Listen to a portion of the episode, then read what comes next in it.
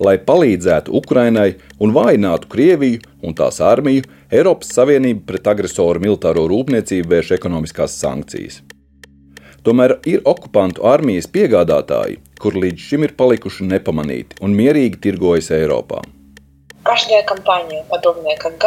Katra tāda kompānija kā Gaverī, kas piegādā savu produkciju Krievijas militārajam kompleksam, pagarina karu. Koncerns, kas lepojas ar piegādēm Kalašņiko rūpnīcai un Krievijas armijai, strādā arī Latvijā. Vienkārši nebija pamanījuši. Ukraiņi lūdz mūsu dienestus palīdzēt iekļaut koncernu sankciju sarakstos. Lai to paveiktu, nepieciešams savākt pierādījumus. Tev jāpiesēžas pašam, pāris nedēļas jāparok, lai tu varētu saprast, vai tur kaut kas apakšā ir. Vai Latvijā var strādāt uzņēmēji, kas ziedojuši Krievijas armijai? Un kāpēc firmu, kas lepojas ar piegādēm Krievijas militārajai rūpniecībai, Latvija nav virzījusi iekļaušanai sankciju sarakstos? To atvērto failu pusstundā pētīšu es, Andrejs Vasks. Pirmā daļa - Humānā palīdzība okupantu armijai. Итак, мы сейчас находимся в Белгородской области. Un tā mēs tagad atrodamies Belgorodas apgabalā. Mūs apmēram 500 cilvēkus ar ieročiem, nekur nepierakstītus nevienai karaspēka daļai. Nedēļu mēs esam nodzīvojuši lopiskos apstākļos, pilnīgi lopiskos. Nekāda materiāla nodrošinājuma, nekādas naudas, precīzi nekas mums nav iedots.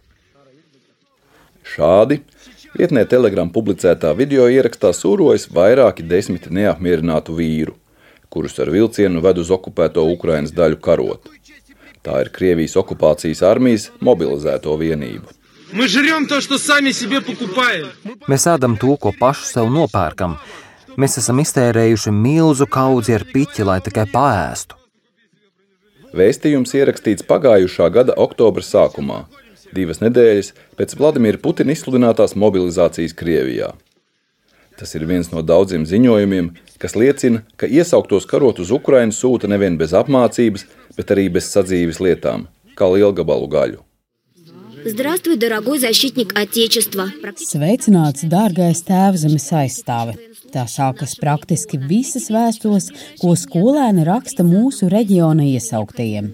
Šīs vēstules burtiski tuvākajās dienās nosūtīs adresātiem kopā ar citām nepieciešamām lietām, ko cilvēki atnes uz brīvprātīgo organizācijas Mēs kopā štābu. Šādi sākās ziņu sižets Kremļa kontrolētā TV kanāla Rusija viens reģiona ziņās. To pārraidīja pērn oktobra beigās Sižets veidots patriotiskā noskaņā, okupantus saucot par tēvzemes sargiem. Tā mēģinot mazliet notušēt galveno. Armija nenodrošina savus karavīrus pat ar elementārām lietām. Берцы, наколенники, перчатки, термобелье, верхняя одежда. Armijas zābaki, ceļu aizsargi, cimdi, termoveļa, apģērbs. Tas viss ir nepieciešams karotājiem speciālās operācijas zonā. Sižets filmēts brīvprātīgo organizācijas telpās. Tur vairāki cilvēki tērti jakās armijas zaļajā krāsā ar uzrakstiem Tautas fronte visu uzvarai un cepurēs ar zēju burtu uz pieres šķiro atnestās mantas. Operators nofilmējis gumijas zābakus, maskēšanās krāsas, jakas, militārās mugursomas. Arī neizsaņotus putu matracīšu rullīšus un tādu pašu materiāla apģērbam piestiprināmos palikņus sēdēšanai. Kā norit darbs štābā, atbraucis paskatīties arī reģiona vadītājs Staņislavs Vaskerenskis. Viņš aprunājās ar brīvprātīgiem, apsprieda mobilizācijas jautājumus. Palīdzību mobilizētajiem sevis reklāmai izmanto arī politiķi. Tāpat reģiona vadītājs atzīmēja, ka labdarības misijai pievienojušies visi no vienkāršiem iedzīvotājiem līdz lieliem uzņēmumiem. Mēs cenšamies palīdzēt, klusi to darbu koordinējam. Gribētu pateikties visiem tiem uzņēmumiem, kas atsaucas man padoto aicinājumiem ziedot. Ziedojumu vākšana mobilizētajiem norit visā Krievijā kur to dēvē par humāno palīdzību. Tātad ziedojums vāc karavīriem, lai viņiem būtu ērtāk un patīkamāk iznīcināt ukrāņus viņu pašu zemē. Ziedošanas punkts ir arī Maskavas apgabala Bogorodskas rajona jauniešu brīvā laika pavadīšanas centrā par jaunatni. Arī te iekārtojusies organizācija Mēs kopā. Par to liecina ziņojums šīs Piemaskavas pašvaldības mājaslapā. Publikācijā ir izskaidrots arī humanās palīdzības vākšanas mērķis. Lūk, fragments no ziņojuma, kuru ierunāja mans kolēģis. Daudzi uzdod jautājumu, kāpēc mums jāvāc ziedojumi, kāpēc visu nepieciešamo neizsniedz armijā. Gribu paskaidrot, aizsardzības ministrija pilnībā nodrošina karavīrus, Katrs saņem formu, apavu, siltu apģērbu, bruņu vesti, ķiveri, guļam maisu. Taču mēs cenšamies ne tikai nodrošināt ar visu nepieciešamo, bet parūpēties, lai šīs lietas būtu augstākās kvalitātes un nodotu arī dzimto māju mīlestību. Tālāk seko vairāku uzņēmumu uzskaitījums, kas okupantu armijai ziedojuši tūkstošiem silto zeķu un cimdu pāru, siltās zolītes zābakiem. Starp tiem ir polimēru produktu ražotājs kompānija Gavarīprom. Tā ir bizness ir arī Latvijā. Uzņēmumu grupas Gavarī pirmsākumi ir meklējami 2012. gadā Krievijā. Tur Maskavas apgabala Obuhovas ciematā ir ražotne, kur izgatavo dažādas lietas no polimēriem, sākot no turistu matracīšiem apaviem un to siltajām zolītēm, līdz moderniem skaņas un siltumizolācijas materiāliem, kurus izmanto arī sarežģītu tehnoloģiju rūpniecībā. Kompānijas izveidotājs ir armēņu izcelsmes Krievijas uzņēmējs Hovhannes Kamarjans. Viņu jau no 2013. gada meklēja Armēnijas tiesība aizsardzības iestādes, kas izsludināja vīrieti starptautiskā meklēšanā. Radio Brīvā Eiropa ziņoja, ka Kamarjanu meklēja aizdomās par kādu ar krimināliem aprindām saistītu darboņu slepkavības organizēšanu. Maskavas centrā nošāva vīrieti. Slepkava noskatīja viņu pie restorāna Seidži Komjaunatnes prospektā, pieskrēja, iešāva mugurā, pēc tam piebeidza ar kontrolšāvienu galvā. Pēc tam izvilka telefonu, nobildēja nogalināto un aizbēga. Acīm redzot, tā bija pasūtījuma slepkavība. Cietušā personība tiek noskaidrota. Šāda ziņa Krievu valodā telegramu vietnē Bāza publicēta pagājušā gada 2. jūnijā. Kameru priekšā nogalinātais bija Gavarī izveidotājs un patiesais īpašnieks Hovhannes Kamarjans. Jau līdz savai nāvei uzņēmējs vairumu firmu bija pārrakstījis uz saviem dēliem - Remu un Džeku. Viņiem ir dubult uzvārds - Kamarjans Dadojans. Uzvārda otrā daļa ir no mātes. Kriminālajās aprindās ietekmīgais tēvs bija nodrošinājis dēliem un sievai iespēju dzīvot Spānijā. Viņi kļuvuši par šīs valsts pilsoņiem un tagad biznesu vada no Barcelonas.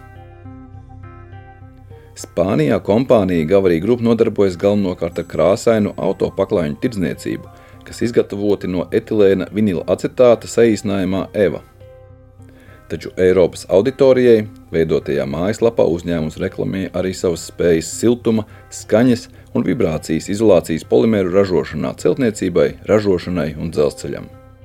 Gavarī grupa nodrošina vidas higiēnu, pārstrādājot produktus un ražojot bez atkritumiem. Tā kā mēs esam ražotāji bez starpniekiem, mūsu produkti ir par konkurētspējīgām cenām. Visas mūsu ražošanas un tirgus procedūras atbilst valsts likumiem. Gavarī grupa ir viens no labākajiem un visstraujāk augošajiem polimēru uzņēmumiem pasaulē. Tā Eiropiešiem sevi reklamē šī Krievijas izcelsmes kompānija, taču daudz vairāk atklāja firmas mājaslapas Krievu auditorijai. Krievu valodā, atšķirībā no Eiropas versijas, ir atrodama informācija, ka kompānija darbojas arī Rīgā, bet par to mazliet vēlāk. Galvenajā lapā firma lepojas ar saviem sadarbības partneriem. Te izvietoti ap 30 uzņēmumu logo. Starp tiem ir tādi Eiropas mēroga zīmoli kā Līroja Merlina un Obī. Uzņēmums Gavarī sadarbojas arī ar Krievijas dzelzceļu un Maskavas metro. Manā rīcībā ir ekrāna šāviņš no šī gada 12. februāra, kurā starp zīmoliem atrodams arī Kalašņiko koncerna logo. Šis uzņēmums jau no 2014. gada ir Eiropas Savienības un ASV sankciju sarakstos. Sankciju pamats - Kalašņiko koncerns ražo ieročus un munīciju, kas izmantoti Krievijas iebrukumā Ukrainā. Eiropas Savienība vienojusies par nu jau piekto sankciju paketi pret Krieviju saistībā ar tās iebrukumu un pastrādātajiem noziegumiem Ukrainā. Tā pagājušā gada 8. aprīlī vēstīja Latvijas televīzijas raidījums Panorāma. Ar šo sankciju kārtu tika pastiprināti ierobežojumi arī pret Kalašņiko koncernu. Ja līdz tam bija aizliegts importēt šīs firmas ieročus, tad no 8. aprīļa sankcijas kļuva bargākas. Ar koncernu ir aizliegta jebkāda sadarbība. Valstīm jārūpējas, lai pie kompānijas nenonāktu nekādi resursi. Eiropas un ASV uzņēmumiem biznesa ar šo uzņēmumu ir aizliegts. Gavarija sadarbības partneris arī trīs citiem Krievijas militārās rūpniecības uzņēmumiem - KPP klases, kas nodarbojas ar bruņu izstrādāšanu, Faraday ražo apavus un apģērbus militāristiem un iekšlietu dienestiem. Savukārt OEDK OMPO specializējas lidmašīnu dzinēju ražošanā. Tā pastarpināti ir daļa no valsts korporācijas Rostek, kas ir iekļauts sankciju sarakstos. Pārlūkojot vēsturiskās gavarī mājaslapas versijas, atrodu arī informāciju, ka sadarbības partneris ir bijusi Krievijas armija. Tagad šī informācija ir dzēsta. Visticamāk, tāpēc, ka firma nokļūs Ukraiņas valdības izveidotā sarakstā ar firmām un personām, kas palīdz Krievu okupantu armijai un būtu jāiekļauj sankcijās. Turklāt pirms pāris mēnešiem savu izmeklēšanu sāka arī žurnālisti Spānijā. Otrā daļa - desmit gadus nepamana Kalašņikovu.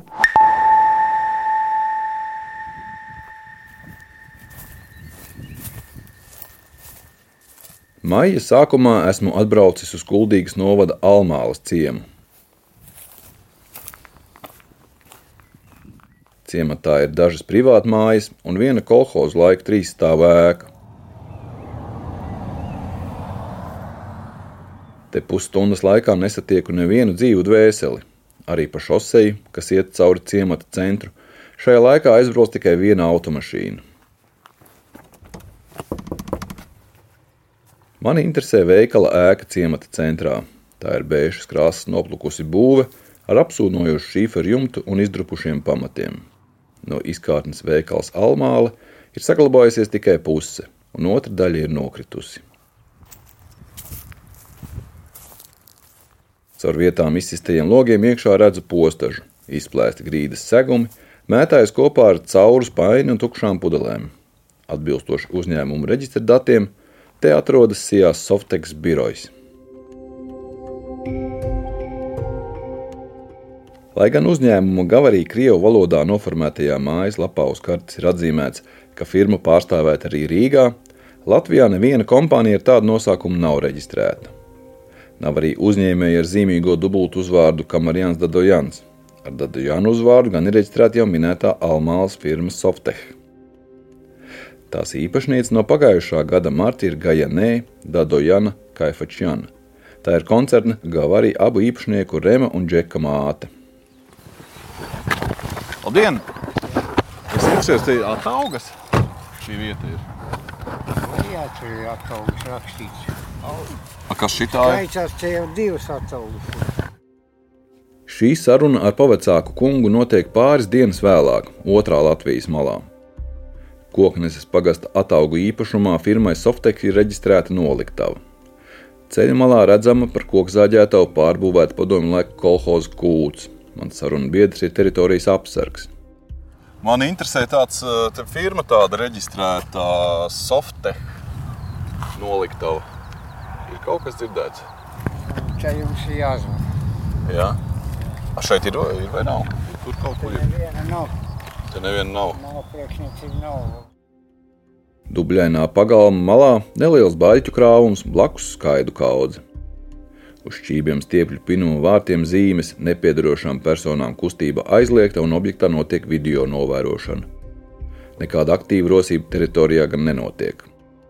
Apsargs apstiprina, ka apakšnomnieks te šad tad pārkrauj savas preces. Te nāk fūras iekšā, mēdz iekraut un izkraut. Gumijas paklāja lielas tāds. Kokneses pagasta ataugās vienā adresē ar Softech noliktavu reģistrētas četras citas firmas. Trīs no tām ir kokapstrādes uzņēmumi. Viena no firmām pieder cilvēkam ar armēņu vārdu un uzvārdu. Pēc apsarga teiktā, tas ir šīs teritorijas saimnieks. Zvanu viņam, lai noskaidrotu, kā sazināties ar Softech īpašniekiem. Но есть там э, как бы еще один зарегистрирован такой Softex. Да, да, есть такой. Tur ir vēl viens pieregistrēts tāds Softex. Jā, jā, ir tāds. Es meklēju tos cilvēkus. Jūs varat pateikt, kā es viņus varu atrast? Tas, ko jūs ar to domājat? Softech. Nu, pieņemsim es. Lušsoftas neparādās. Bet kas par lietu? Kas ir jānodod? Es interesējos, ar ko uzņēmums nodarbojas. Nodarbojas ar auto paklājiņu tirzniecību. Latvijā arī viņi strādā? Nē. Bet kur tad viņi strādā? Visur Eiropā. А где они работают? Везде. В Европу, в Евросоюзе, везде. Galu galā kokapstrādes uzņēmuma īpašnieks atzīst, ka patiesie uzņēmuma saimnieki ir Kamarijāni Dadojāni. Viņš sola manu telefonu numuru nodot viņiem, pārzvanīšot un visu izstāstīšot. Taču atzvana vēl cits cilvēks. Andris? Jā, klausos. Labdien, man, eh, es esmu Haiks. Man tēvs pateica, ka viņš man meklē. Jā, jūs par to softeks jau varētu kaut ko izstāstīt. Uzņēmējs Haiks Zakojans stāsta, ka Softech pašreizēji īpašnieki ir Spānijas pilsoņi. Viņi cenšas savu no tēva mantoto biznesu aizvākt no Krievijas. To viņa tēvs sācis darīt jau pirms kara un pandēmijas. Krievija armijai neko nesot ziedojuši. Tie esot meli, tieši pretēji. Kamēr Jānis Dadojani ar viņa haika starpniecību esot ziedojuši Ukrainai. Arī lepošanās mājaslapā par sadarbību ar Krievijas armiju un militāro rūpniecību esot pārpratums. Viņi teica, ka vienkārši kaut kāds nu, cilvēks kaut kāds desmit gadus atpakaļ mājās lapā bija sadarbības partneru sarakstā, kur norādīts kaut kādas visi tādas kompānijas, un tas tur tā arī desmit gadus palika, vienkārši nebija pamanījuši. Bet viņiem nekādu sadarbības līgumu ne ar kādu armiju Krievijas nekad nav bijuši. Viņa prāt, šī ir uzņēmēja nomelnošana, kur ir pasūtījis kāds konkurents. Tas, kas, ko jūs sakat, nezinu, maksājums, tas Raimēva īpašnieks vai nemaksā, ja maksā, tad jūs, protams, ar pretlikumīgu darbību nodarbojaties un visu žurnālistu morālu kodeksu pārkāpjat. Ja nemaksā, tad jūs nejauši vienkārši iekļaujaties biznesa ziņā. Haiks saka, ja satiks Softech īpašniekus, nodos informāciju, ka es viņus meklēju, bet īpaši sarunāt interviju viņš nesola. Pēc sarunas ar Haiku Zakojanu vēl nosūta uz Spānijas kompāniju Gavarī e-pastu ar jautājumiem, taču atbildi divu nedēļu laikā tā arī nesaņēmu. Trešā daļa - tas ir tīri augsts aprēķins. Каждая компания, подобная как Гавари, которая поставляет, поставляет свою продукцию для целей российского ВПК, Katra tāda kompānija kā Gaverī, kas piegādā savu produkciju Krievijas militārajam kompleksam, pagarina karu. Viņa padara to dārgāku ne tikai Ukrainas iedzīvotājiem, radot civilos upurus, bet arī Eiropas nodokļu maksātājiem, jo piegādas Krievijas militārajai jomai, neatkarīgi no tā, vai tie ir gatavie produkti vai arī tās ir izēvielas, tās pieprasa atbildes rīcību. Vairāk ieročus, aizsardzības līdzekļus. Tā nepieciešamību iekļaut Gavarī koncernu sankciju sarakstā skaidro Ahija Sahrebeļska. Viņi ir Ukrainas Nacionālās korupcijas novēršanas aģentūras korupcijas risku mazināšanas sankciju piemērošanas politikā virziena vadītāji. Šī Ukrainas iestāde kara sākumā uzņēmās koordinēt sankciju politiku, jo nevienai citai nebija tādu spēju. Turpina Zahrebeļska. No Ukraina, nevienmēr, ka tu viesi mieru, Ukraina, tāpat kā pārējā pasaule, pēc 24. februāra sadūrās ar izaicinājumu ka mūsu sankciju politikas sistēma bija pilnīgi nepiemērota sankciju piemērošanai kara apstākļos. Tādai intensitātei, tādam sankciju skaitam, tādai kontrolai. Sankcijas koordinējošā iestāde ir izveidojusi īpašu lapu internetā ar personu un uzņēmumu sarakstiem, kas veicina Ukrainas okupāciju. Daļai no šīm personām jau ir piemērotas sankcijas. Tomēr daudz ir tādu, kuru sadarbībai ar kara mašinēriju Krievijā ir pierādījumi, taču Eiropas un ASV sankciju sarakstā nav iekļauti. Starp tiem ir arī koncerns Gavarī. Publicētajā tabulā īsi izklāstīta informācija par produkciju, sadarbības partneriem un atbalstu Krievu armijai. Apraksts noslēdzas ar šādu teikumu: To ierunāja mana kolēģe. Tādējādi uzņēmumu grupa sniedz ieguldījumu Krievijas federācijas valdības un prezidenta rīcībā, kas grauj un apdraud Ukrainas teritoriālo integritāti, suverenitāti un neatkarību. Ahijai Zahrebēskai nav šaubu, ka kompānija Gavarī ir iesaistīta darījumos ar Krievijas militāro kompleksu, tāpēc būtu jāpiemēro stingras sankcijas. Svarīgi katru šādu uzņēmumu izgaismot un izslēgt no okupantu armijas piegādātāja loka, un sankcijas tam ir iedarbīgs ierocis. Viņi stāsta, ka sankcijas darbojas, un Ukrainā to jūt. Protams, protams, mēs redzam, un tā mums ir galvenā motivācija turpināt. Ja atceramies, cik daudz bija raķešu uzbrukumu un civiliedzīvotāju upuru vēl pusgadu atpakaļ, un cik to ir šobrīd. Tas ir rādītājs, kā strādā sankcijas. Skatāmies, kā Krievija izmanto visus pieejamos resursus - ierēģņu bērnus, ietekmīgu uzņēmēju bērnus, lai noziedzīgā ceļā, starptautiskajā tirgū iegūtu to, kas viņiem ir nepieciešams. Cik daudz dārgāk tas Krievijai tagad izmaksā, cik lēnām Krievija to visu iegūst. Viņi saka, Ukrainas armijas panākumi kaujas laukā ir ne tikai vīrišķības un profesionālitātes rezultāts, bet tur liela nozīme ir arī sankcijām. Bruņojuma un ekipējuma trūkums vēl vairāk samazina okupantu armijas kaujas spējas un garu. Санкции действуют. Санкции действуют очень круто на самом деле. Sankcijas strādā, sankcijas strādā brīnišķīgi, un tas ir arguments, kāpēc jāturpina sankciju spiediens. Pēc Ahijas Zahrebēskas teiktā, informācija par šo uzņēmumu grupu un tās īpašniekiem ir nevien publicēta internetā, bet nosūtīta arī to valstu institūcijām, kur šī firma darbojas, arī Latvijai. Latvijā galvenā sankciju politiku koordinējošā iestāde ir ārlietu ministrija. Ministrijas juridiskās direkcijas vadītāja Kristīna Līca iezīmē sankciju procesa īpatnības, kāpēc viss nenotiek tik raiti, kā gribētos. Un sankcijas ir īpatnējas tādā ziņā, ka no sākuma tas jā, ir tīri politisks process. Vienā mirklī šim politiskajam procesam nāk klāt juridisks process, jo, lai noteiktu mērķētas sankcijas pret konkrētu personu, ir jāsniedz arī pamatojums. Jo Eiropas Savienības sistēmā sankcijas ir iespējams apstrīdēt Eiropas Savienības vispārējā tiesā.